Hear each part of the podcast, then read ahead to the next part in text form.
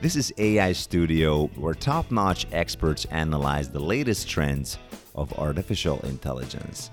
I'm your host, Levente. Let's get started. Computer vision develops at breakneck speed and it paves the way for breakthrough solutions in healthcare, transportation, manufacturing, and security. Facial recognition is just part of the deal. AI can read CT scan images a lot faster than doctors. Plus, they never get tired or distracted. Self driving cars rely on robust computer vision engines, whereas state of the art conveyor belts cannot be imagined without algorithms that have been trained to spot defective items. So, computer vision is a really complex issue. Luckily, though, every year Budapest hosts Stretch, a leadership and management gathering by Prezi where top notch experts share their thoughts on hot topics. That's where AI Studio headed to find out more about the latest computer vision trends. Great. Uh, today we're reporting live from Stretch Conference, and our guest is Kevin Goldsmith, Chief Technology Officer of global identity verification provider Onfido. Thank you so much for joining us, Kevin we're so glad to have you on the show. Thank you. I'm pleased to be here. Right. So let's just jump right in, uh, since you're a speaker at this conference, yes. and you're gonna discuss the um, main challenges to leading distributed teams. And uh, even though we're we're gonna talk about computer vision today mostly, yes, uh, it's it's really uh, exciting. Uh, it would be really exciting to hear uh, whether AI can help in any way to lead distributed teams. So uh, I think that machine learning could potentially help uh, identify issues. So it's uh, very, very good at, at, detecting sort of anomalies. So when you have a team that's spread out over a number of locations um, and you have infrequent communication between them, being able to recognize strange anomalies might be useful. But the problem is when you bring this into people management, it gets very creepy very fast. So I think okay. there may be some potential, but I would I would be I would be a little scared to to implement it. okay, right.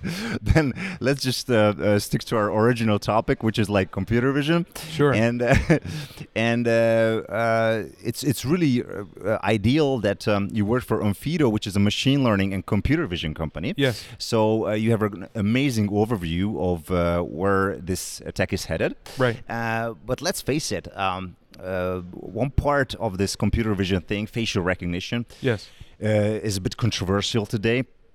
We've all heard that in, in certain uh, uh, American cities like San Francisco, uh, the uh, the technology has been uh, even banned. Yes. And uh, one of the the hot stories out there is now about Clearview, the startup which basically can identify anyone based on publicly available photos yeah. pulled from from social media. Right so uh, we, we, would be really excited to hear what you think about all this controversy and uh, and uh, you know how do you evaluate uh, the, the, the, the, present state of facial recognition? So so for us uh, and and for me personally we very much come at facial recognition from a very strict privacy perspective. Um, and so we do quite a lot of work on face matching. Uh, usually for us, because we're trying to verify identity, it's usually face to document as opposed to face to random group of faces. But I think um, for the purposes of fraud, we do a little bit of that as well. But the intent is always around helping people protect their identity and helping businesses avoid fraud. And so we absolutely come at it from from privacy first so where this, uh, so I do have personally a bit of concern around these kind of large scale uh, facial recognition technologies, partially because I don't think that technology, even the folks who are doing it quite well, is is perfect yet. And the implications, you always have to think about the implications of uh, FAR and FRR, the the false acceptance and false rejection. Right. And so the the question isn't do I identify uh, somebody we I know is has intent to do harm. The question is always do I misidentify someone and then put them in jeopardy? Uh, and we the technology is not good enough yet that you can guarantee that you that won't happen, right? You, the best technology still has a, a reasonably high error rate, where at scale, you're going to do, you're going to take a lot of innocent people and put them in situ- in a bad situation, and so. Uh, and then you that's even before you get into the problem around training and bias and and that in itself means that this technology um, is still very much uh, has a bias built into it a lot of the time that can also disproportionately affect near uh, some groups. And so for that reason, I have, I have a lot of concerns about it. Right, uh, and and so did uh, former Google CEO Eric Schmidt, for Yes, example, yeah. who said that uh, even though Google has built this uh, this technology, but that's the only one that was actually withheld. Yes. Uh, and uh, even you know when we talk about Onfido, uh, sometimes uh, user comments uh, of Revolut Yeah. uh, uh, pop up Right. when they you know they just wonder what happens to all those uploaded uh, IDs and Yeah. photos and um, I really wonder whether uh, you know working at Onfido do you hear any uh, related feedback from your cli- clients Uh, so not not so much from our customers. Um, and and when I when I talk about, I differentiate between customers and consumers. Revolut is a customer. Right. You using a Rev, you creating a Revolut account, you're a consumer, and we support both. But we are um, very strictly GDPR compliant. We put a lot of effort into that. We are also uh, there are now many many different privacy regulations across the world. We are compl- we are make sure that we support all those, but also um, we don't. While we maintain uh, identities for our customers, the customer controls. Revolut decides if what we hold and what we don't. And so if you go to Revolut and say, please remove my data, we, it is also removed from us if we are holding it. But re- a lot of our customers are removing that data as well. Facial recognition is big, but so are all types of biometric measures. We wanted Kevin to walk us through those other use cases as well. Uh, You mentioned that facial recognition is still far from perfect, right? Yes. Because there's still uh, some potential that something might go wrong. But you know, like related biometrical Yeah. uh, identification is so sophisticated. Like you know, fingerprints uh, can be read and, Yeah. and irises and everything. So uh, where do you think this whole thing is headed? That part's, uh, I mean, biometric, uh, the biometric auth is a, is a significant effort for us. It, but i that area is really exploding. So it's not just fingerprints; it's palm prints. Uh, it obviously, yes, iris, but um, right now there are many, many ways to sort of uh, to to identify you in a biometric way, including your typing cadence, your walking cadence, things like that. And for us, um, for what we do, that's important from a perspective again of trying to protect your identity. So, uh, understanding once you prove you are who you say you are to us, we want to make sure that you are still that p- person that somebody hasn't uh, forced you to validate and then taken your phone and is now trying to do something And bad how with can it. you do that? So we can do that through things like these different biometric uh, measures. So that's absolutely something uh, we look at and something we partner on with different companies. Or if they just cut off my finger like in every second movie exactly. now. So so if if they cut off your finger to get into your phone, we can actually tell by uh, you know so us working as part of a risk metric. So before they you can take you know 10,000 euros or whatever out of your bank account, we may do a secondary. Uh, us or one of our partners will do a secondary auth- authentication that isn't a fingerprint, that is uh, uh, face matching or uh, a liveness detection as well, so that you're, you know, they, they the worst case scenario they haven't killed you and then are holding your Right, phone right, up right. to your uh, your face. So w- that's another area that we we work on it also, which is making sure that you're alive, that that uh, that's not something wearing a mask of your face Right, that that's happens as well. Yeah. So all these things are this area is is very moving very fast. There's a lot of people in this space. It's a really exciting space. Right, I guess now it's time for us to take a break, and we'll be back right after the news section. The Met Police has announced that it will start using controversial live facial recognition systems as part of its regular policing in London. The service has been trialing face matching technology on the streets of the capital since 2016, but will now significantly increase its use. The use of live facial recognition technology will be intelligence led and deployed to specific locations in London. The rollout of the technology marks a significant expansion of surveillance technologies in London.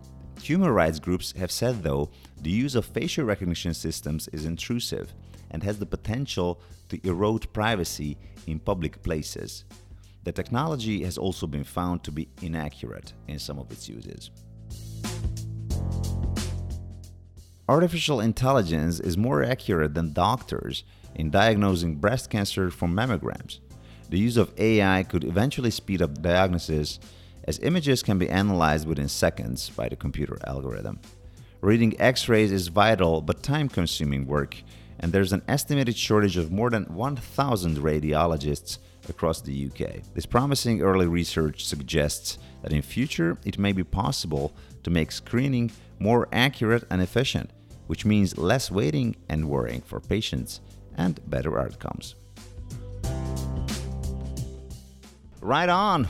Uh, we're still talking to Kevin Goldsmith, Chief Technology Officer of global identity verification provider Onfido. And our main topic is computer vision solutions. Computer vision is already triggering huge revenues worldwide, but it's still just the start. Growth is expected to pick up even further. You see the self-driving is is obviously growing very very quickly is becoming very interesting um, expanding into things like self-flying and those kinds of things. And I think that gets a lot of press, but also uh, healthcare is a really interesting field. Uh, so automatic processing of health records or X-rays, not e- not to replace the doctors, but to augment them. So that uh, so this is one of the things we do because um, we are not just a pure automation; we are automation plus human. And so we do things uh, when we're uh, looking at documents to to signal to our experts because we we have trained people that will augment the the technology to signal to them what we think is an issue. Same thing for healthcare, right? Um, and that may help us find uh, problems much much earlier. Um, so there's healthcare. I think there's uh, obviously we talked a little bit about uh, uh, security and, and and those kinds of things. That one's a little bit scary right now, but but I think eventually we will figure out the issues around that and a way to do that in uh, some a way that's both privacy aware and, and, and public interest aware.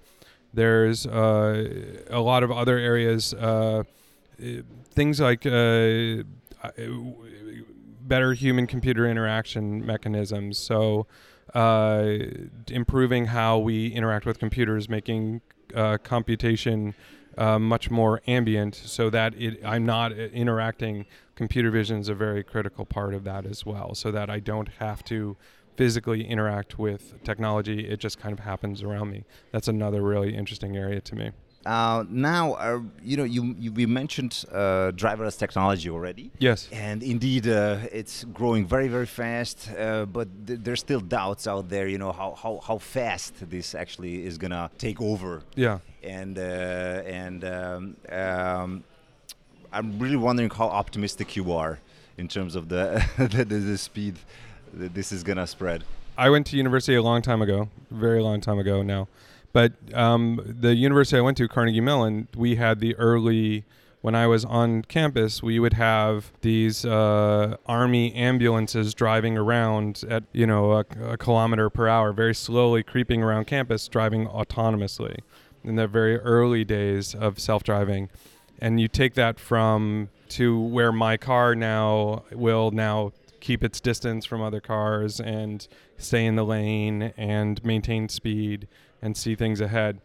So I am very optimistic on self-driving. Um, I'm not that is not necessarily my area, but just having seen that progress.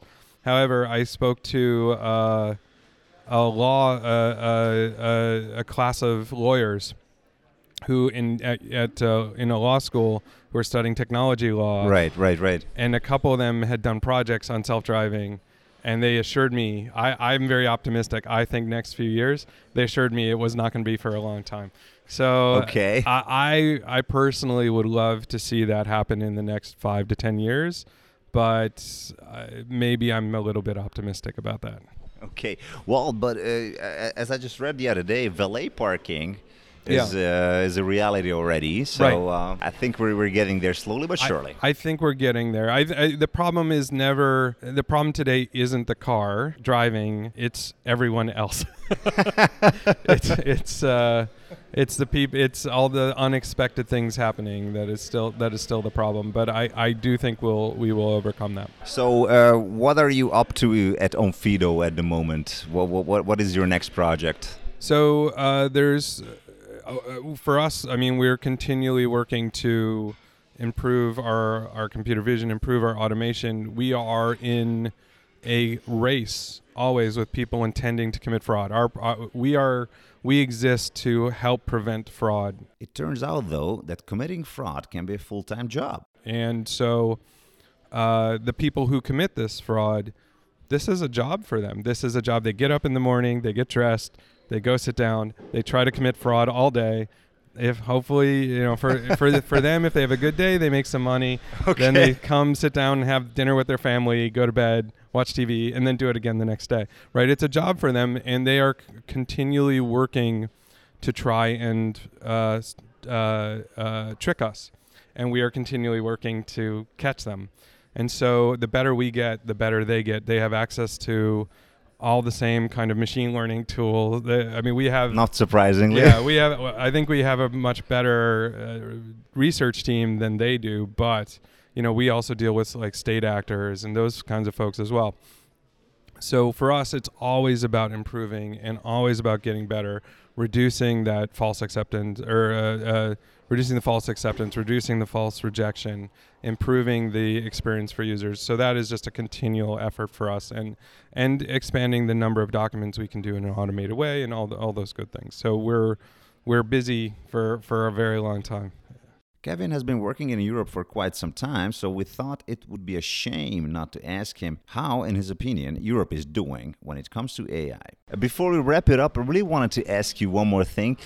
Uh, how do you see this global uh, AI arms race, so to say? Because there's a lot of competition out there. Uh, we we in Europe here sometimes have the feeling that we're kind of slow, and regulation uh, strangles everything with GDPR and everything. And uh, whereas the U.S. and especially China, you know, there, there are no no rules there, Yeah. and they're just uh, you know light years ahead of us.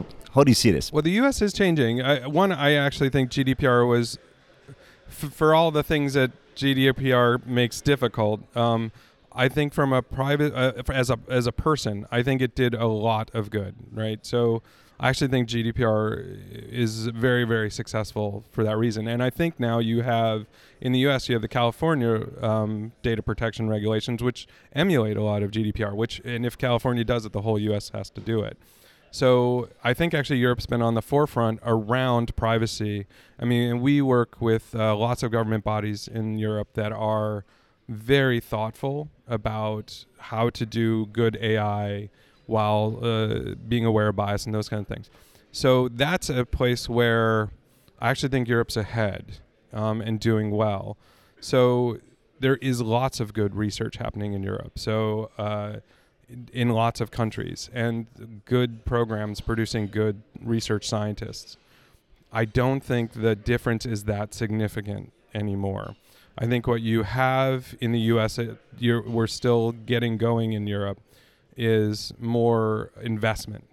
So the the difference is there's a lot of capital in the U.S., uh, China as well, to just fund that work and make it very attractive uh, for companies and people to do it.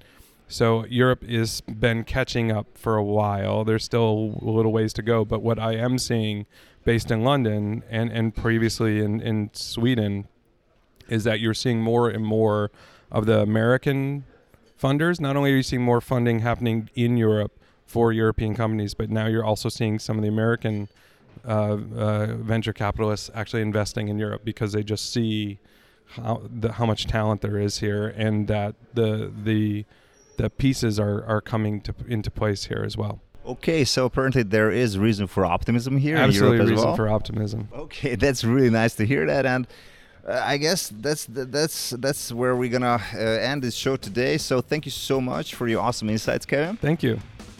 and uh, hope to have you on the show at some later point. I would love to. Thank you. But now it's time to say goodbye. Thank you so much for listening. See you in the next episode.